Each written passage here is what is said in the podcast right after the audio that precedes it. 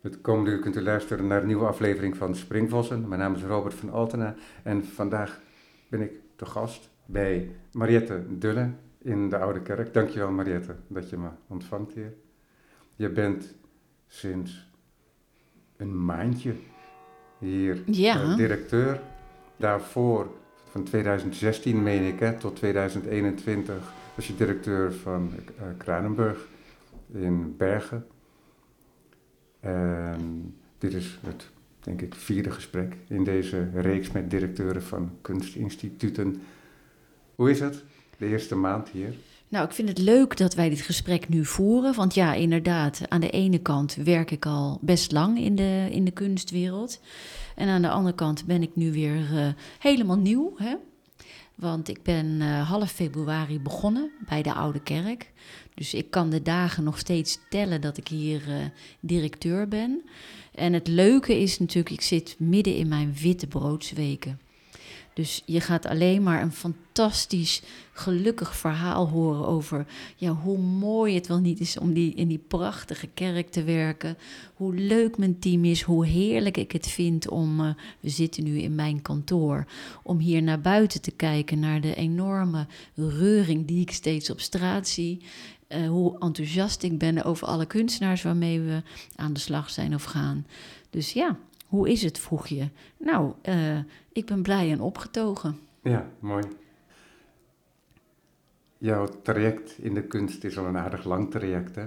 Ik noemde al even Kranenburg. Maar voor Kranenburg ehm, zat je bij Tent in Rotterdam, als ik het goed heb, toch? Nou, wat heerlijk dat jij dat gewoon zomaar uit je hoofd eh, Het is weet. ongelooflijk, hè? Ongelooflijk, ik ben weer diep onder de indruk. Ik wist dat je een goede, goed voorbereide interviewer was, maar nu weet ik het zeker. Eh, ja, ik heb, eh, heb al een, op een aantal plekken in de Nederlandse kunstwereld gewerkt. Eigenlijk steeds vanuit een ander perspectief. Ehm, ik weet niet of ik mijn hele cv nu aan jou ga doorgeven, maar laat ik het kort schetsen. Ooit ben ik begonnen bij een klein kunstinitiatief in Utrecht. Casco heette dat. Dat nog En, eh, bestaat. Ja, wat nog steeds bestaat. En waar we vonden dat we heel politiek, activistisch en maatschappij kritisch moesten programmeren. Eh, daarna ging ik werken bij de gemeente Utrecht. Daar werd ik eh, coördinator kunstopdrachten. En dat heb ik lang gedaan voor een grote stadsuitbreiding Leidse Rijn. Dus dat waren echt grote opdrachten met kunstenaars eh, in de publieke arena. Heel interessant, want de publieke arena, daar vindt iedereen altijd wat van alles en iedereen.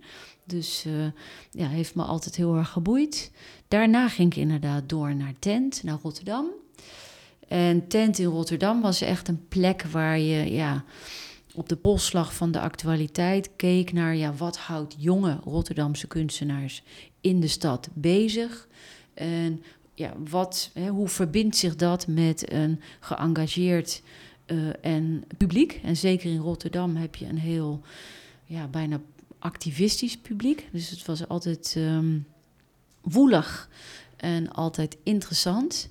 En ik ben in 2016 eh, naar Bergen gegaan. Het prachtige, mooie, eh, landelijk, lommerrijk gelegen Bergen.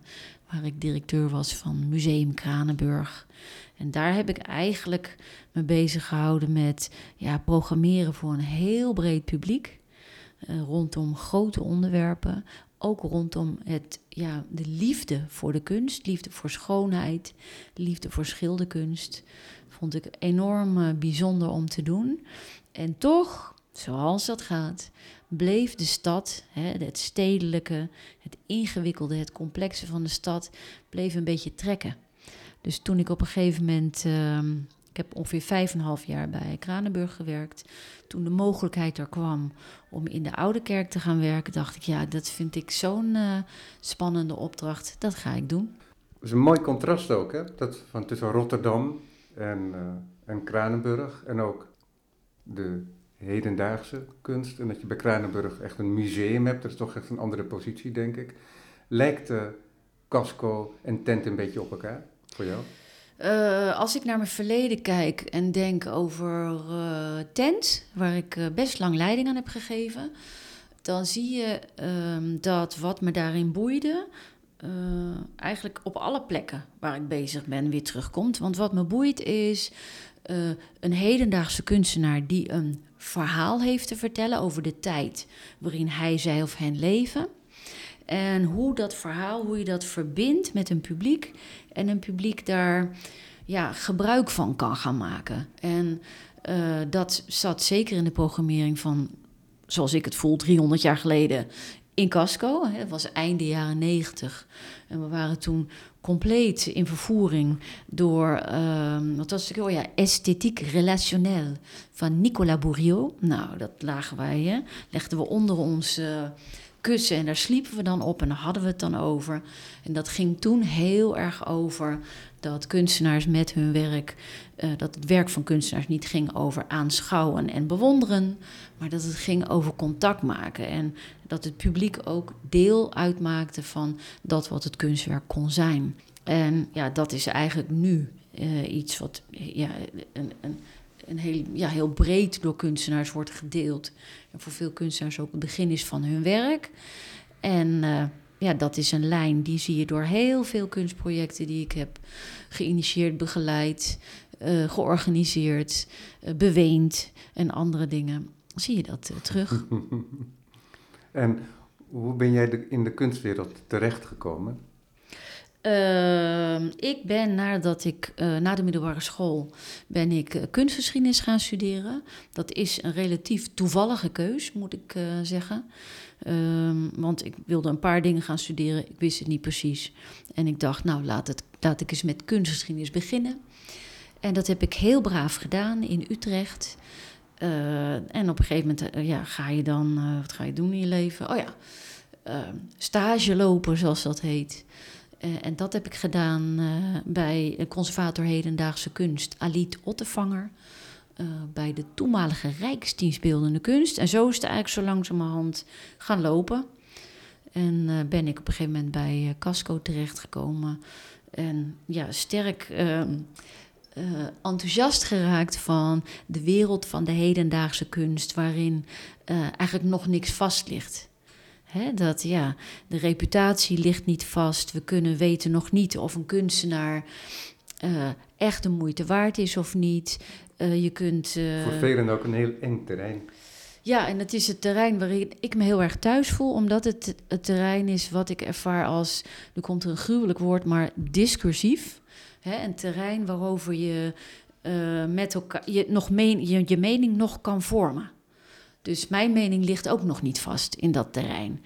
En ik mag die mening nog vormen doordat ik met kunstenaars kennis maak, doordat ik gesprekken voer rondom die kunst, doordat ik uh, een ander perspectief krijg aangereikt van ja, een kunstenaar, een gesprekspartner, wie dan ook. Uh, en dat geeft ook een grote mate van vrijheid. En die vrijheid, die ervaar ik het meest in de wereld van de hedendaagse kunst. Ja. En uh, gaf je ook opdrachten uit aan kunstenaars daar bij Casco?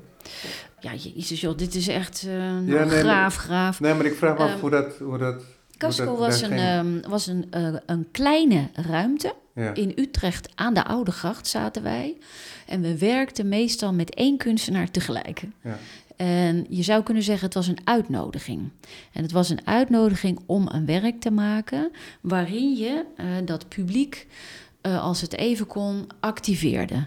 En uh, dat ging, ja, een project wat me nu in het hoofd valt, was met een Franse kunstenaar, Mathieu Loret, die. Uh, die had bedacht dat het leuk of dat het interessant was om een, god hoe heette dat ook weer? Oh ja, een tombola te doen. Om bij alle ondernemers gratis prijzen op te halen. En bij de opening van de tentoonstelling die prijzen uit te delen door middel van loodjes. Nou, zoals ik het nu vertel, klinkt het heel eenvoudig en simpel. Maar je moet je voorstellen dat, ja, wat, dat, wat is dan precies het kunstwerk? Is dat het moment waarop wij contact legden met al die ondernemers en hun betrokken bij die hele gruizige, wilde, jonge kunstruimte? Of lag het kunstwerk op het plek, op het moment waarop er ja, zonder geld een uitwisseling was van dat object wat de ondernemer gaf aan de winnende uh, aan de tombola winnende uh, deelnemer.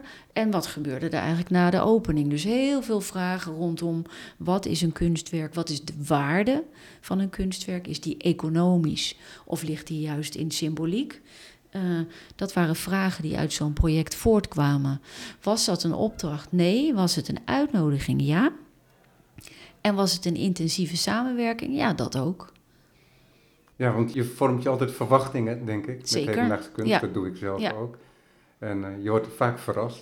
Dat ook. En eh, ik denk dat we in onze tijd eh, ook probeerden zo verrast mogelijk te zijn.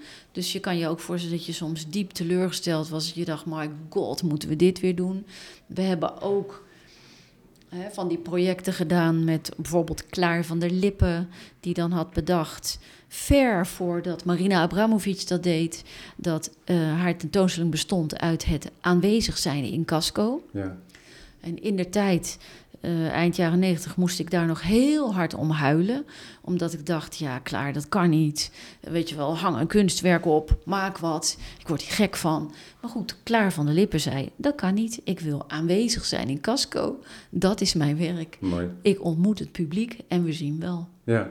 ja, ik herinner me van Klaar van der Lippen ook dat zij in de jaren negentig een periode een soort voordrachten hield ook. Ja, hè, dat hangt daar ook weer heel erg mee Ja, samen. precies. In het, en Ja. dat was volgens mij in het verlengde daarvan Ja. ook inderdaad. Ja. Ja. Ja, mooi. Ja, het object inderdaad. En dat is wat wel mooi is aan instituten als Tent en Casco, is dat je daar geen collectie hebt. Nee, dat heb je hier ook niet. Nou ja, Nou, dat is een, een hele leuke opmerking. Eh, toen ik bij, eh, bij Casco werkte en bij Tent, ja, dat zijn plekken waar je niet eh, tot een object komt, of desnoods tot een performance waarvan je zegt, die behoud ik voor eeuwig. En die herhaal ik nog een keer. Hè, wat jij zegt, een vorm van ja, verzamelen, een vorm van collectioneren. Dat hoeft er niet. Hè? Je kan het bijna zien als een, nou laat ik maar zeggen, een soort krant of zo, een k- Mhm. chroniek. En eh, toen ik in de oude kerk kwam, vond ik dat, zou, ik, zou je kunnen zeggen, eh, eh, zie je dat die twee werelden van wat behoud je en wat eh, vertel je. En daarna ga je weer door. Nou, die komen elkaar hier op zijn scherpst tegen of botsen tegen elkaar op zijn scherpst. Ik weet nog niet precies hoe ik het moet formuleren. Maar de oude kerk is natuurlijk één en al eh, bewaren. Want dit is, zo wordt mij elke dag door wie dan ook verteld, het oudste gebouw van Amsterdam. En dit gebouw wordt dag en nacht gerestaureerd. Eh, we besteden aan alleen al onderhoud van dit monument 6 ton per jaar. Dus reken maar uit. En dan hebben we de restauraties nog niet eens genoemd. Dus juist behoud en beheer is een heel groot onderwerp. Behoud en beheer van heel veel eh, onderdelen die in de loop van de tijd gemaakt zijn door architecten, kunstenaars, houtbewerkers, eh, glaskunstenaars. Allemaal mensen die hier eh, creatief zich hebben uitgedrukt. eh, voor ja, het grotere geheel.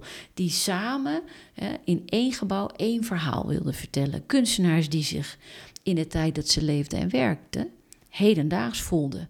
Van nu voelden en ook iets van nu wilden maken. Nou, dat beheer en behoud is een van de grote taken en een van de grote activiteiten van de Oude Kerk. Eh, en ik vind het heel erg mooi dat je daaraan weer opnieuw een hedendaags kunstenaar toevoegt. En dan, als ik te lang filosofeer, onderbreek me gerust, maar dan op een hedendaagse manier. Want wij kijken natuurlijk in de tijd van nu ook weer wat anders aan tegen wat bewaar je en waar bewaar je dat. De kunstenaars die wij vragen om een werk te maken, dat ze in deze kerk laten zien, dat werk bewaren we niet altijd stoffelijk, maar wel online. In, op, eh, op online, ons online platform hou je eigenlijk zo'n kunstwerk ook weer vast voor latere generaties of vast voor eh, latere eh, reflectie. Maar eigenlijk dus op een hele andere manier dan dat we dat nu doen eh, met eh, ja, de werken die je nu in het gebouw tegenkomt. Dus ik ben eigenlijk eh, op dit moment, hè, ik ben pas kort hier bezig, heel erg ja, aan het nadenken over wat dat nou precies betekent. Iets, ja, wat jij noemt collectie of verzameling, of gewoon het gebouw dat er is, waarin allerlei kunstenaars de afgelopen zeven eeuwen werk hebben gemaakt dat we hoeden en bewaren. En die kunstenaars van nu, die er een verhaal aan toevoegen. En hoe brengen we dat nou eigenlijk weer verder? Hoe bewaren we dat nou weer voor ja, volgende tijden? Ja. Mochten mensen suggesties hebben, stuurt u dat in naar Springvossen. Ja, en bovendien is het zo dat er af en toe wel een toevoeging plaatsvindt aan dat erfgoed, omdat er het beroemde, inmiddels wat beruchte, misschien wel rode venster uh, is toegevoegd, bijvoorbeeld. Ja, en dat vind ik heel fijn. En uh, je hebt zo in de kerk heel puntjes waarin kunstenaars alweer, uh, hedendaagse kunstenaars alweer wat, wat toevoegen. En inderdaad, jij zegt het heel goed, dat de rode raam is er één van. En ik denk dat dat een, een hele mooie ja, toevoeging is van een hedendaagse kunstenaar aan uh, dat wat we doen in de kerk. Beroemd en berucht. En een aansluiting ook bij de traditie. Ja, vind ik wel. En, uh, want aan de ene kant, ja, voor de mensen die uh, echt hun klassiekers goed kennen, het is een raam. een kerkraam wat helemaal van rood glas is. Dus als het licht naar binnen valt, wordt de ruimte waarin dat raam te zien is, wordt, uh, wordt helemaal rood gekleurd. Nou, ken nu klassiekers. In elke katholieke kerk hangt altijd een rode godslamp. En die lamp is altijd aan, want die vertelt over. Oh, dat ken ik helemaal nee? niet. Oh ja, kijk, ik ben hartstikke katholiek van oorsprong. Ah, kijk. Maar uh, ja, in de katholieke kerk. In katholieke kerken hangt altijd een rode lamp die aan is. En die rode lamp die verbeeldt uh, ja, de aanwezigheid van God. Dus is die lamp aan, dan is God met jou, God is in die kerk. En de kunstenaar, Italiaanse kunstenaar, uh, komt uit Venetië, kent natuurlijk honderd kerken. Uh, heeft dat eigenlijk verbeeld, vind ik, op een hele mooie manier. Namelijk als het licht, hè, daglicht, door het rode raam valt en het licht rood kleurt, is God aanwezig in deze kerk. Dat is één betekenis. Maar een tweede is, en die is weer heel ja, wereldlijk, is natuurlijk de betekenis. Wij, als wij een, een red window zien, dan denken we aan een red light district, aan hè, de wallen. Dus die betekenis is er ook. En dat spelen met betekenis, nou, als er iets hoort bij kunst, is het dat. En, uh, want het vraagt aan jou, publiek, ja, welke betekenis voel je toe aangetrokken? Welke betekenis uh, brengt wat bij je teweeg? Zijn er andere betekenissen waar jij juist aan denkt? Uh, hè, rood is, uh, oh, nou zeg ik het misschien verkeerd, maar ik dacht in India de kleur van het huwelijk, van trouwen. Kortom, er gebeurt eigenlijk heel veel. En dat vind ik ongelooflijk mooi um, om in zo'n kerk te laten vertellen.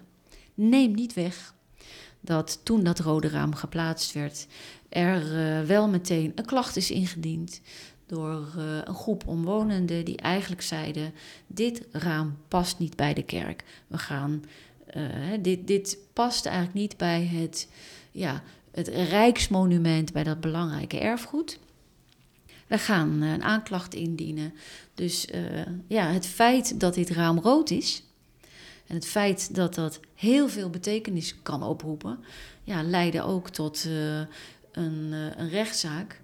Uh, waarbij uiteindelijk de beslissing is uh, ten voordele van het rode raam is ja. gevallen. Ja. ja, het is jammer dat dat tot een rechtszaak moet komen, maar het is wel zo dat dat debat en die discussie wel aansluit ook bij wat jij bijvoorbeeld deed bij Casco met die groep. Hè? Dat je het gesprek wilde hebben en de interactie op gang ja, wilde brengen. Ik denk voor mij, als er iets is dat kunst teweeg brengt, is het uh, ja, je, je, aan het denken zetten.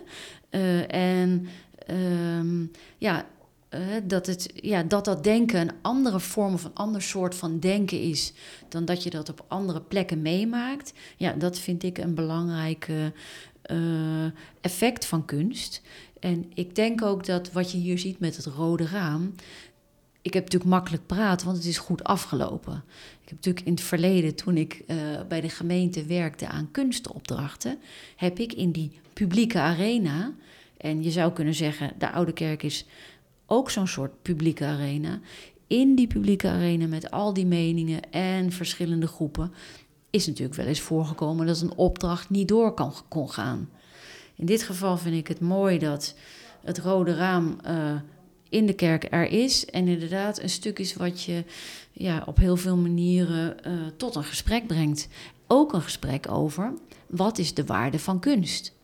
En een gesprek over, ja, kun je het aan als een kunstwerk niet helemaal vertelt wat jij heel graag zou willen horen? Wat doe je dan? En dat doet dit werk bij een aantal mensen wel en een aantal mensen niet. Nou, dat vind ik interessant. Ja, ja dat is heel interessant, zeker. Ik herinner mij dat ik met Klein Velderman, kunstenaar, beeldhouwer, een gesprek heb gehad over een project van hem. En dat was rond een groot beeld van André Volten op een groot verkeersplein. En daar had hij een klassieke circus tent omheen gezet. En toen waren er toch verontruste buurtbewoners uh, ja, die bang waren dat het beeld zou verdwijnen.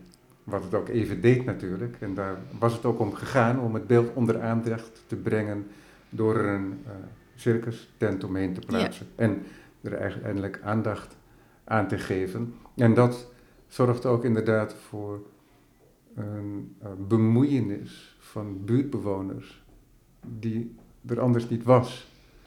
En dat is uh, een hele lichte ingreep, zou je kunnen zeggen ook. Hè. Dan is er nog niet eens wat veranderd. En als er hier in dit geval dan aan een geliefd gebouw, hè, want dat is het natuurlijk ook, dat spreekt daar ook uit, um, een verandering plaatsvindt. Hoe um, invasief dat ook kan worden gevonden. En wat ook heel mooi is, is dat dit gebouw, dat wordt als een statische eenheid gedacht die in stand wordt gehouden. Maar die is nooit gelijk geweest vanaf 1300 ook. Dus nou ja, ik denk dat, zo zie ik het zelf ook. Maar nogmaals, uh, dat zijn mijn eerste beelden. En ik zie, ik, ja, vanuit mijn perspectief, er zijn vele andere. Maar juist dat zo'n kerk heen en weer beweegt in de tijd. En niet op één specifiek jaartal vast blijft staan. Ik denk overigens, nu komt er een stichtend betoog, dames en heren. Dus als u daar geen zin in hebt, schakelt u af. Uh, ik vind het belangrijk dat zo'n kerk voor komende generaties ook steeds relevant blijft en voor komende generaties ook van hun blijft. Dus ik verwacht ook dat er ook in onze tijd toevoegingen of veranderingen zullen komen, zoals dat in het verleden, inderdaad 700 jaar, ook steeds zo is geweest. Waardoor die kerk eigenlijk altijd relevant blijft voor ja, de mensen in, uh, wat zullen we zeggen, 2088 of iets dergelijks. Hè? Dus dat je weet van, als je wil dat dit een levend gebouw blijft, niet een, een, uh, ja, een gebouw waar we een, bordje voor zetten. Komt u binnen, zo zag het eruit in 1580 en dat is het dan. Nee, komt u binnen, zo zag het eruit, zo zal het eruit zien. En hoe het eruit zag, was misschien ook weer anders dan u denkt. Dat vind ik een, uh, een heel mooi uitgangspunt. En overigens is dat natuurlijk niet een heel vreemde gedachte. Want als je hier in Amsterdam loopt. Hè, Amsterdam is natuurlijk een ongelooflijk bijzondere stad. Omdat het aan de ene kant een stad is waar je heel veel historische gebouwen hebt. Zeker in de binnenstad. Prachtige historische binnenstad. En aan de andere kant is die stad juist ook de plek waar mensen elke dag weer opnieuw kijken en denken over toekomst dit is ook de stad waar we naartoe gaan en naartoe komen om te weten, ja, what's new in kunst, muziek, uh, toneel, uh, mode, uh, techniek. innovatie is ook een woord wat echt bij Amsterdam hoort. En ik vind het ontzettend interessant dat juist die combinatie past bij ja, hoe het hier is. Toen jij die gesprekken voerde hier om mogelijk deze positie te gaan bekleden, had je dan voor jezelf al helemaal geformuleerd wat voor programma je hier wilde voeren? Ja, dat vind ik een strikvraag. Um, ben je gek, wil ik natuurlijk zeggen. Nee, Uh, ik heb wel ideeën en opvattingen, maar ik denk wel als er iets belangrijk is, is dat je als je op een plek nieuw bent, dat je voelt, nou ja, dat je even voelt hoe het hier is. Dus wat is het voor mij om in dit gebouw te zijn? Heel letterlijk bijvoorbeeld, is best wel koud. Die kerkzaal, jongen, die is uh, fris hoor. ja, als je naar een van de ochtendconcerten gaat, wat ik iedereen raad om te doen, want het is echt magisch altijd en het zijn mooie concerten. Ehm, die raad ik inderdaad ook aan om uh, schoenen met rubberen zolen aan te nou, trekken. Jij en zegt het. Ja, jij zegt het. Dus, maar er wordt goed voor jezelf gezorgd, voor je gezorgd, want er zijn ook dekens aanwezig. maar hè, dus, dus wat is het nou om hier te zijn? Dat vind ik gewoon, ja, dat is voor mij essentieel om eerst goed te ervaren. Wat betekent het om uh, als oude kerk te staan in deze buurt? Wat beteken je voor mensen om je heen? En dat kan soms heel letterlijk zijn, uh, de buurvrouw aan de overkant. Maar je hebt hier ook rondom de oude kerk een groep interessante culturele instellingen. En wat voor buurvrouw ben ik daarvan? En Amsterdam als wijdere kring. Amsterdam is een ongelooflijk ja, bruisende stad waar uh, heel veel verschillende kunstinstellingen elke dag weer fantastische programmering maken. En ja, wat wil je daaraan toevoegen? wat, wat breng je waarvan mensen zeker weten, ja, dat is voor mij iets wat ook echt de moeite waard is. De Oude Kerk, het is een rijksmonument. Dus ja, ik vind dat ik uh, uh, ja, op dat niveau, op, op, op hoog niveau, uh, daar kunstprojecten moet gaan ontwikkelen. En ik ben enorm enthousiast over wat mijn voorganger Jacqueline Grandjean uh, heeft gedaan. Ze heeft een prachtige lijn aan kunstprojecten ontwikkeld. En daar wil ik eigenlijk het liefst op doorgaan. Op uh, solo-presentaties, solo-projecten van, ja, van monografische projecten van kunstenaars. En ook kunstenaars waarvan we weten dat het een, voor hun echt een interessante uitnodiging is, waarmee ze uh, ja, hun werk weer verder kunnen ontwikkelen en weer dichter kunnen brengen bij een enthousiast publiek. Je kan je voorstellen als je kijkt naar de vorm, dan kunnen dat kunstenaars zijn wiens werk in maat en schaal een relatie met de kerk aangaat. Maar je zou ook kunnen denken, juist uh, juist op een hele andere manier. Namelijk dat je kijkt naar kunstenaars wiens werk uh, een relatie aangaat met het idee van samenkomst. Met het idee juist van die menselijke maat, de menselijke beweging in die kerk. Dat zijn uh, gedachten waar ik natuurlijk best wel ook al over aan het nadenken ben. En aan het kijken ben naar ja, wat zijn kunstenaars die ja, die daarbij passen en die die opgave van de oude kerk aankunnen in een context van Amsterdam, waar we, hè, waar we allemaal uh, weten dat ja, de kunst die we tonen ook echt kunst is die ertoe doet. Ja, dat viel toch wel mee met die strikvraag uiteindelijk. ja, dus hè, zich vormen de gedachten, maar uh, ja... Uh, maar het lijkt me ook heel leuk, toch? Het is heel leuk. Om daarover te denken en om langzamerhand iets voor jezelf te formuleren. Zeker. En, en wat daar dan uitkomt, dat gaan we dan nog wel zien een ja, keer. Maar... zeker. En wat misschien ook leuk daaraan is, is dat je merkt dat uh, bij kunstenaars zelf de Oude Kerk ook een plek is die, uh, die inspireert. En, hè, dus dat we in die zin merken dat als we kunstenaars benaderen of polsen om uh, oriënterend eens te kijken naar ja, wat is, is de Oude Kerk een plek waar jij je werk kan voorstellen. Uh, en waar we met jou uh, aan kunnen gaan werken, dan is daar een grote interesse voor. Het is natuurlijk, ja, jij zei het al, het is geen klassiek gewoon museum. Het is een ja, wonderlijke, uitzonderlijke plek, hè, waarin uh, nou geen, geen muur recht staat, zal ik maar zeggen. En, we, en waarin van alles, hè, geen vloer ook recht staat. En staat. levend licht. Levend licht, ach wat prachtig. Uh, die zal ik er zeker inhouden. Nou, de vloer is niet recht. Ik heb zelfs uh, sinds een week weet ik dat wij die ook niet recht mogen leggen. Want het heeft een historische glooiing. Kent u dat woord? Een historische glooiing, nou, die houden wij gewoon aan. Maar in die ja, gekke plek, uh, hè, met hoekjes, lichtjes, dit, dat, zus, zo. Nou, wat wil je daarin vertellen? dat is natuurlijk een hele interessante vraag voor veel kunstenaars. Ja, dat kan ik me voorstellen. En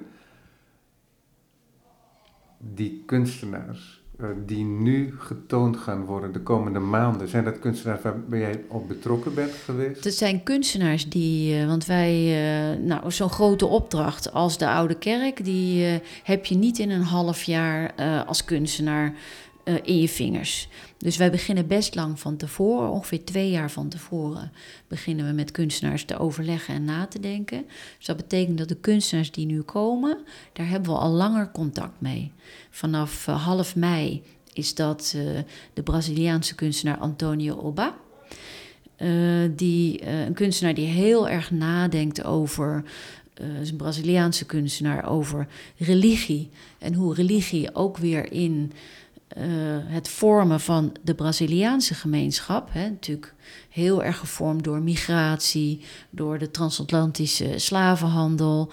Het is een zeer gemixte bevolking, maar waarin uh, één geloof voorop stond, het katholieke geloof, dat eigenlijk met harde hand aan alle binnenkomende bewoners is opgelegd, waardoor je eigenlijk ziet dat uh, in de loop van de tijden juist de ja, de geloven, de religies en gebruiken van bijvoorbeeld mensen die uh, via de slavenhandel werden binnengebracht, niet zichtbaar waren.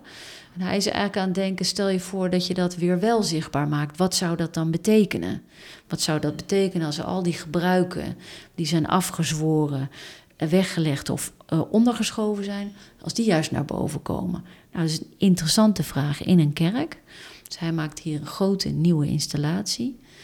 Uh, en vanaf november laten we Ibrahim Mahama zien. Een Ghanese kunstenaar die uh, nou, sinds de documenta van 2015 uh, eh, eigenlijk ja, globally of over de hele wereld gevraagd is. Omdat dat ook weer iemand is die nadenkt over ja, um, bevolkingsstromen over de wereld heen. ja, wat dat betekent dat voor ja, het hier, het in Ghana zijn of in het, het in Europa zijn. Hoe kan je eigenlijk die twee continenten meer met elkaar verbinden en de vormentaal, symbolentaal van die twee plekken uh, meer met elkaar laten samenvallen? Nou, ook hij maakt daar een werk over in onze kerk. Nou, daarna ben ik aan de beurt. Dus daarna ben ik aan het denken van hoe ga ik daarop ja, verder bouwen op dat programma en welke kunstenaars ga ik daarvoor uitnodigen. Ja, precies. En daar ben je nu nog over na te denken. Hoe werkt dat hier binnen dit instituut? Hoe groot is de organisatie? Nou, de kerk is heel groot en de organisatie is heel compact. En uh, dat is ook heel fijn, want daardoor kun je, uh, heb je eigenlijk een hele persoonlijke manier van samenwerken met elkaar. Hè, ik werk samen met uh, een aantal, uh, ja, hoe noem je dat nou weer? Uh, curatorial advisors. met Marianna van der Zwaag, dat is mijn vaste curator. Jacob Lekkerkerker, curator muziek. Radna Rumping voor de performances. Nou, met die groep samen maak ik hier het programma. Denk nou niet dat we hier allemaal fulltime aan de slag zijn, want het blijft natuurlijk een kunstinstelling. Dus het zijn allemaal uh, kleine banen. En daaromheen hebben we uh, een producer, hebben we iemand voor de communicatie. Ik zou willen zeggen een compact team om te zorgen dat we die projecten en de kerk op een zo mooie en bijzondere mogelijke manier aan ons publiek aanbieden. Ja. En ben je al meteen druk in gesprek met alle belangenorganisaties die zo met deze kerk als monument bezig zijn? Nou, dat komt vanzelf. Want ik ben echt aan het uh, kennismaken. Nou, ik zei, uh, het zijn, voor mij voelt het als mijn witte broodsweken. Dus ik ga veel de deur uit uh, en ik drink veel koffie. Dat betreft heb ik mazzel, want we hebben naast de oude kerk een hele leuke koffieschenkerij. en al die gesprekken gaan over inderdaad, ja, uh, wie zijn we nou voor elkaar? En dat kunnen gesprekken zijn met de kerkgemeente, want de Oude Kerk heeft ook nog een uh, kerkgemeenschap die hier op zondag naar de kerk gaat. Of met de uh, Vereniging van Vrienden van de Amsterdamse Binnenstad. Of met een buurtbewoner, Elena Simons, die hier heel actief is. En uh, van allerlei buurtfeesten en stadshardtoppen, je kunt het zo gek niet verzinnen, uh, allemaal organiseert. Maar ik spreek ook met mijn collega's van uh, de, Ons Lief Weer op Zolder, Rembrandthuis, De Waag. Heel breed, van alles en nog wat. En allemaal heel leuk en inspirerend. De Oude Kerk heeft toch wel een eigen plek in, die, in het kunstlandschap in Amsterdam. Zou je kunnen formuleren wat dat particuliere is, behalve dan dat het dat samengaan is met die, met die klassieke kerk, met dat monument? Nou, als ik kijk naar, naar wat de oude kerk betekent en kan betekenen in het uh, Amsterdamse kunstenveld, dan gaat dat voor mij heel erg over, uh, ja, ik noem het maar focus en concentratie. Dat je op een hele bijzondere plek waar de geschiedenis je ja, hè, van alle kanten tegemoet komt, één op één in ja, dialoog raakt met een hedendaags kunstenaar die met jou nadenkt over hoe uh, die kunstenaar vorm geeft aan zijn of haar of hun perspectief op de tijd waarin we leven. En niets anders. Dus dat is wat je meemaakt.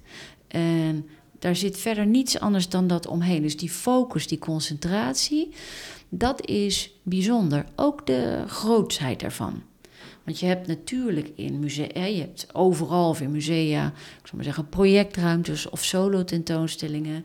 Maar hier komt dat eigenlijk op een hele, ja, letterlijk grootse manier, want het is een grote kerk. En uitzonderlijke manier komt dat bij elkaar. Het is geen tentoonstelling. Het is een, ja, hoe gaan we dit nou weer noemen? Een, uh, een, uh, ja, een ervaring. En dat is wat het bijzonder maakt. Ja, ja want het gekke is dat het zo'n bijzonder gebouw is, maar dat op het moment dat een kunstwerk hier wordt geïnstalleerd, ik denk bijvoorbeeld aan zo'n column van Germaine Kruip die hier stond, een heel iel dingetje in dat enorme gebouw. En dat gaat automatisch een relatie aan. En uh, het grappige is ook van dat beeld, is dat het doet denken aan Brancusi natuurlijk en het sokkelloze beeld, dat het sokkelbeeld uh, wordt. En dat het hele gebouw eigenlijk ook een sokkel is, als het ware, voor het kunstwerk en waar het in plaats neemt, als het ware.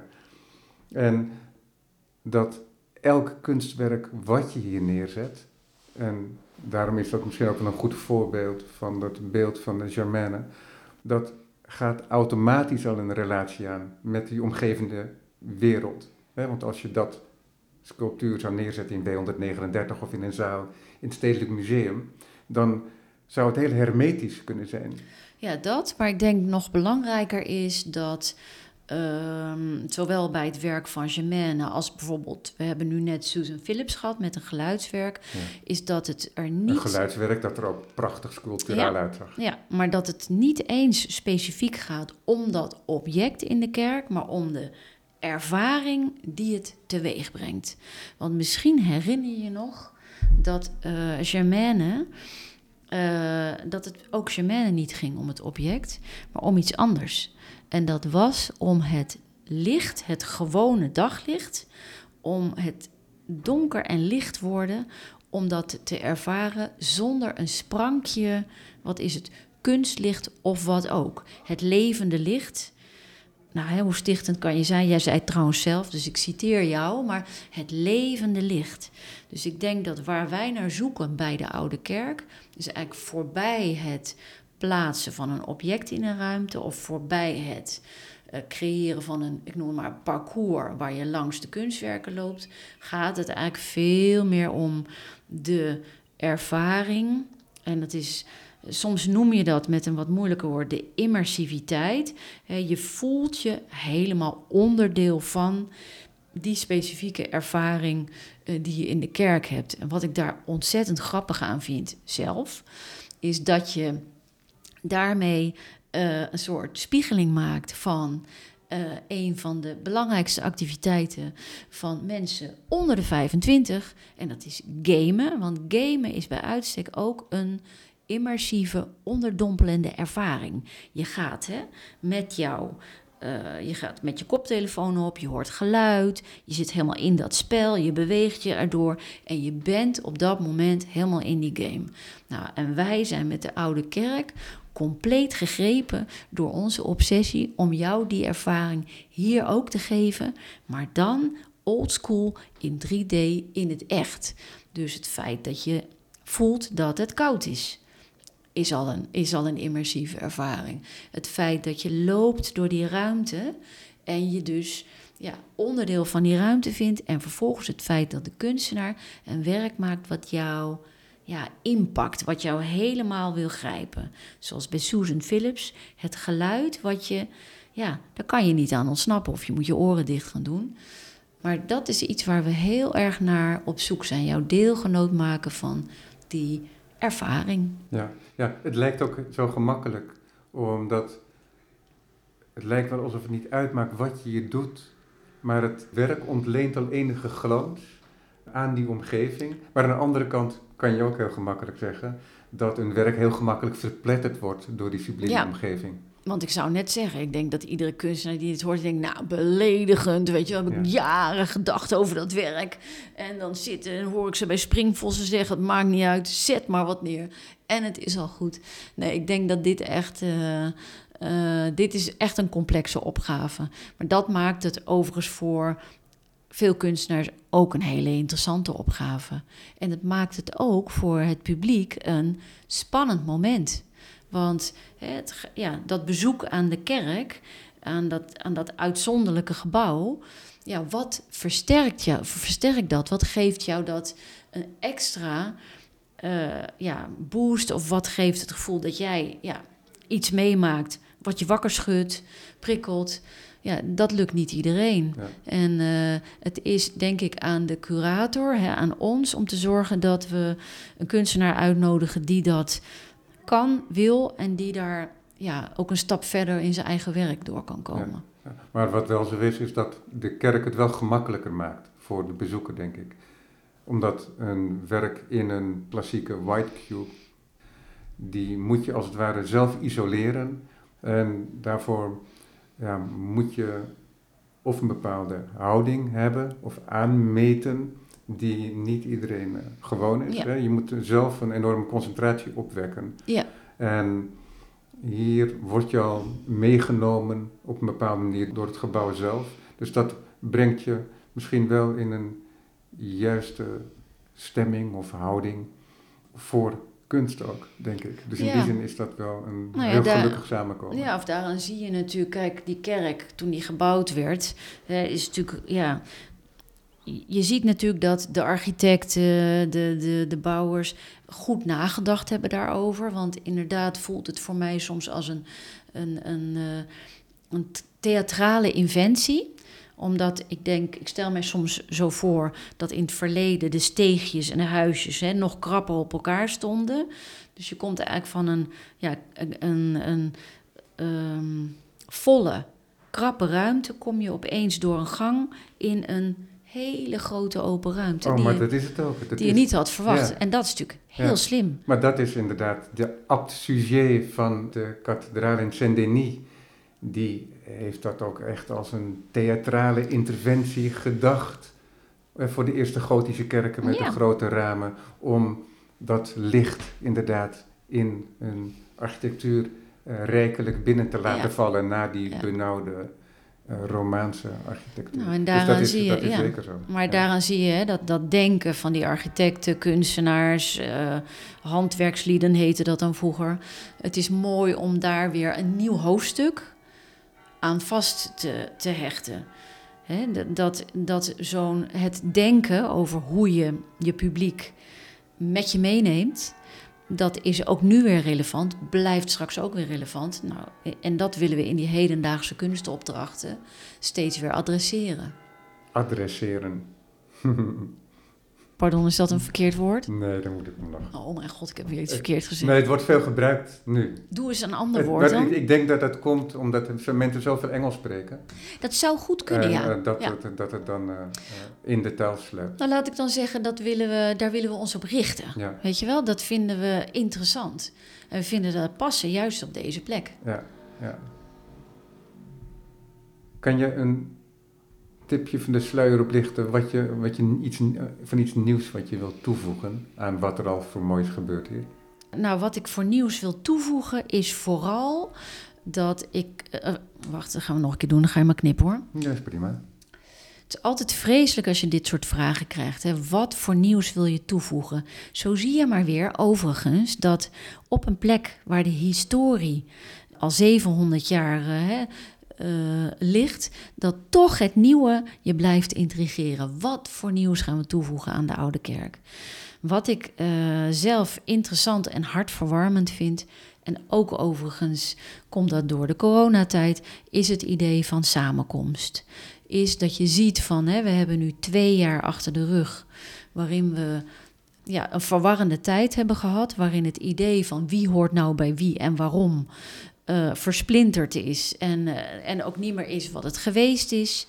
Waarin het idee van waar vind ik inspiratie om na te denken over hoe het verder moet, eh, ook eigenlijk onduidelijker is geworden. We gaan nu ook weer een, een moeilijke periode in, omdat we allemaal weten op het moment van dit gesprek dat er een oorlog is in de Oekraïne. Wat ook weer dat idee van bij wie hoor ik, bij wie wil ik, wie wil ik horen, ja, verwarrend maakt. En ik ben echt heel erg geïnteresseerd in, in hoeverre je kan eh, denken aan ja, kunstprojecten, activiteiten die dat idee van samenkomst of collectief ehm, ja, in zich dragen. Ik heb het in zekere zin ook weer heel makkelijk. Want wij hebben elke hè, eerste vrijdag van de maand... hebben we hier ochtends vroeg om acht uur een concert, hedendaagse muziek. En daar zie je al hoe fijn het is, nu dat weer mag... voor de mensen om eh, eh, daar naartoe te komen. En eh, waar we eerst ja, 100 man hadden, wat was het, toen we weer mochten beginnen in februari. Het is nu, een, het is nu begin april en we zien alweer dat we enorm moeten opschalen naar, eh, wat is het, 200 stoelen. En dat heeft me enorm verrast. Dat, dat je ziet dat dat samenkomen, dat dat ook echt een wens is van, eh, van publiek. En weer samen nadenken over, ja, wat, wat is de betekenis van kunst? Nou, dat is iets, als, ik het, als dit vaag genoeg is, of concreet genoeg voor jou, dat is iets waar ik een beetje over aan het nadenken ben. Ja, Ja. ja. begrijp ik. Ja, En, nou, eh, die, die concerten, dat was ook al de eerste keer dat ik weer een concert kon bijwonen, ook hier. Dat was, ook- vond ik wel heel ontroerend ook. En ik ben iemand die graag op zijn eentje is. Maar dat raakte me toch wel ook, inderdaad. Dus dat had ik toch kennelijk heel erg gemist. Ja, ik, zoiets, nou ja, mij raakte het dus in zekere zin ook. En eh, dat verraste me. Dus, en ja, dat zijn dingen die informeren mij dus ook over, hey, hè, dan zijn dat misschien ook weer eh, lijntjes voor de toekomst. Ja, ja kijk, ik vraag nu naar, naar plannen en dergelijke. Maar wat zo mooi is aan de Oude Kerk en aan een slanke organisatie, is dat je ook heel bewegelijk kunt zijn. Ja. Nee, en dat is toch heel mooi dat je dat klassieke monument hebt.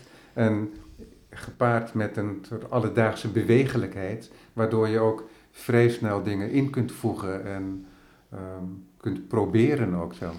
Ja, en ik denk dat dat, hè, dat, dat, zit hem vooral in wat je zegt, concerten, performances.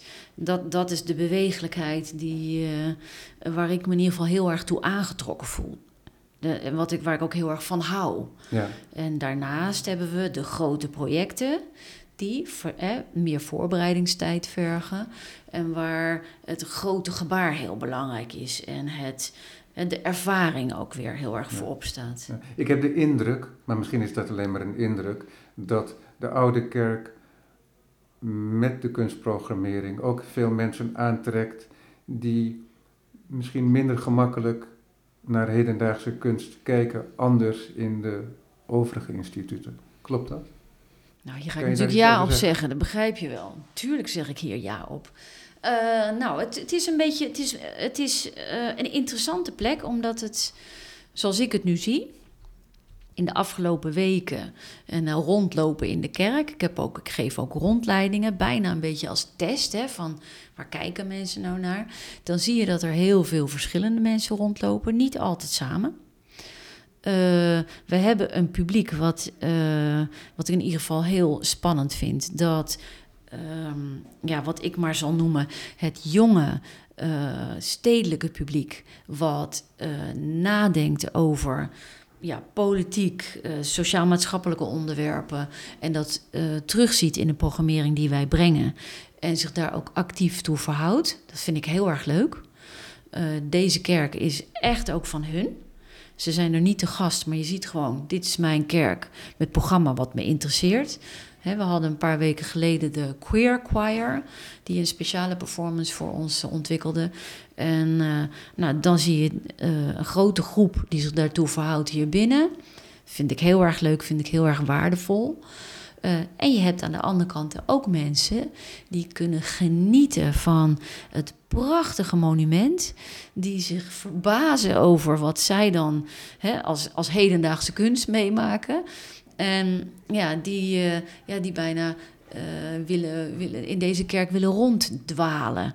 Dat, dat zijn echt groepen ja, die, die hier zich ja, door elkaar, niet altijd met elkaar, maar dwars door elkaar heen bewegen. Vind ik heel erg grappig. Ja. En misschien heb jij wel gelijk dat je uh, die groepen wat minder door elkaar tegenkomt in musea. Dat geloof ik zeker wel. Ja. Betekent dat dat je je houding ook moet veranderen dan? Of is het zo dat het gebouw al voldoende omarmend is uh, dat mensen geïntroduceerd worden tot die kunst? Ik denk dat eh, die groepen verschillende dingen vragen en dat we die ook moeten bieden als je het hebt over introduceren in de kunst. En dat brengt mij heel erg terug uh, naar de tijd waarin ik kunstopdrachten in de openbare ruimte deed. Want daar was ook alles, weet je wel. En zo'n ja, dat was ook de grootste stadsuitbreiding in Nederland. Ook dat nog. Lang, denk ja, ik ook. ja, maar die kunst moest ook, hoe hedendaags ook, toch praten met iedereen. En, uh, uh, en toch, weet je, het moest praten met iedereen en toch wil je het is hedendaags. En hoe doe je dat dan? En zo'n vraag stel ik mezelf hier ook heel veel. Uh, en ik denk dat dat ook een van de onderwerpen is waarin we nog wat willen groeien. Hoe doen we dat? En, ja, ja want, want ik vraag me ook echt af of je ook echt een ander verhaal moet houden. Of dat, je gewoon, dat het gewoon werkt wat je al vertelt. Snap je? Ik weet dat zelf niet. Nou, mijn mening is altijd dat je uh, als instituut. Uh, ja, oh mijn god, er komt weer echt zo'n verhaal. De hand uit moet steken naar je publiek. En die hand in contact moet brengen met de kunstenaar. Dat begrijp ik. Heel metaforisch. En dat betekent dat je ja, toch echt je best moet doen om uh, je publiek te vertellen over dat wat je doet. En dat doe je op allerlei verschillende manieren. Ja, uiteindelijk gewoon klare taal spreken eigenlijk. Oh ja, dat wou ik eigenlijk zeggen. En daarin moet je klare taal spreken. Ja, ja. ja. En dat is waar ik uh, ja, ook weer ja, een stapje verder in wil nemen. Mariette Dulle, dank je wel voor dit gesprek. En veel plezier komende tijd met je nieuwe positie. Nou, ik hoop je nog vaak terug te zien in de Oude Kerk.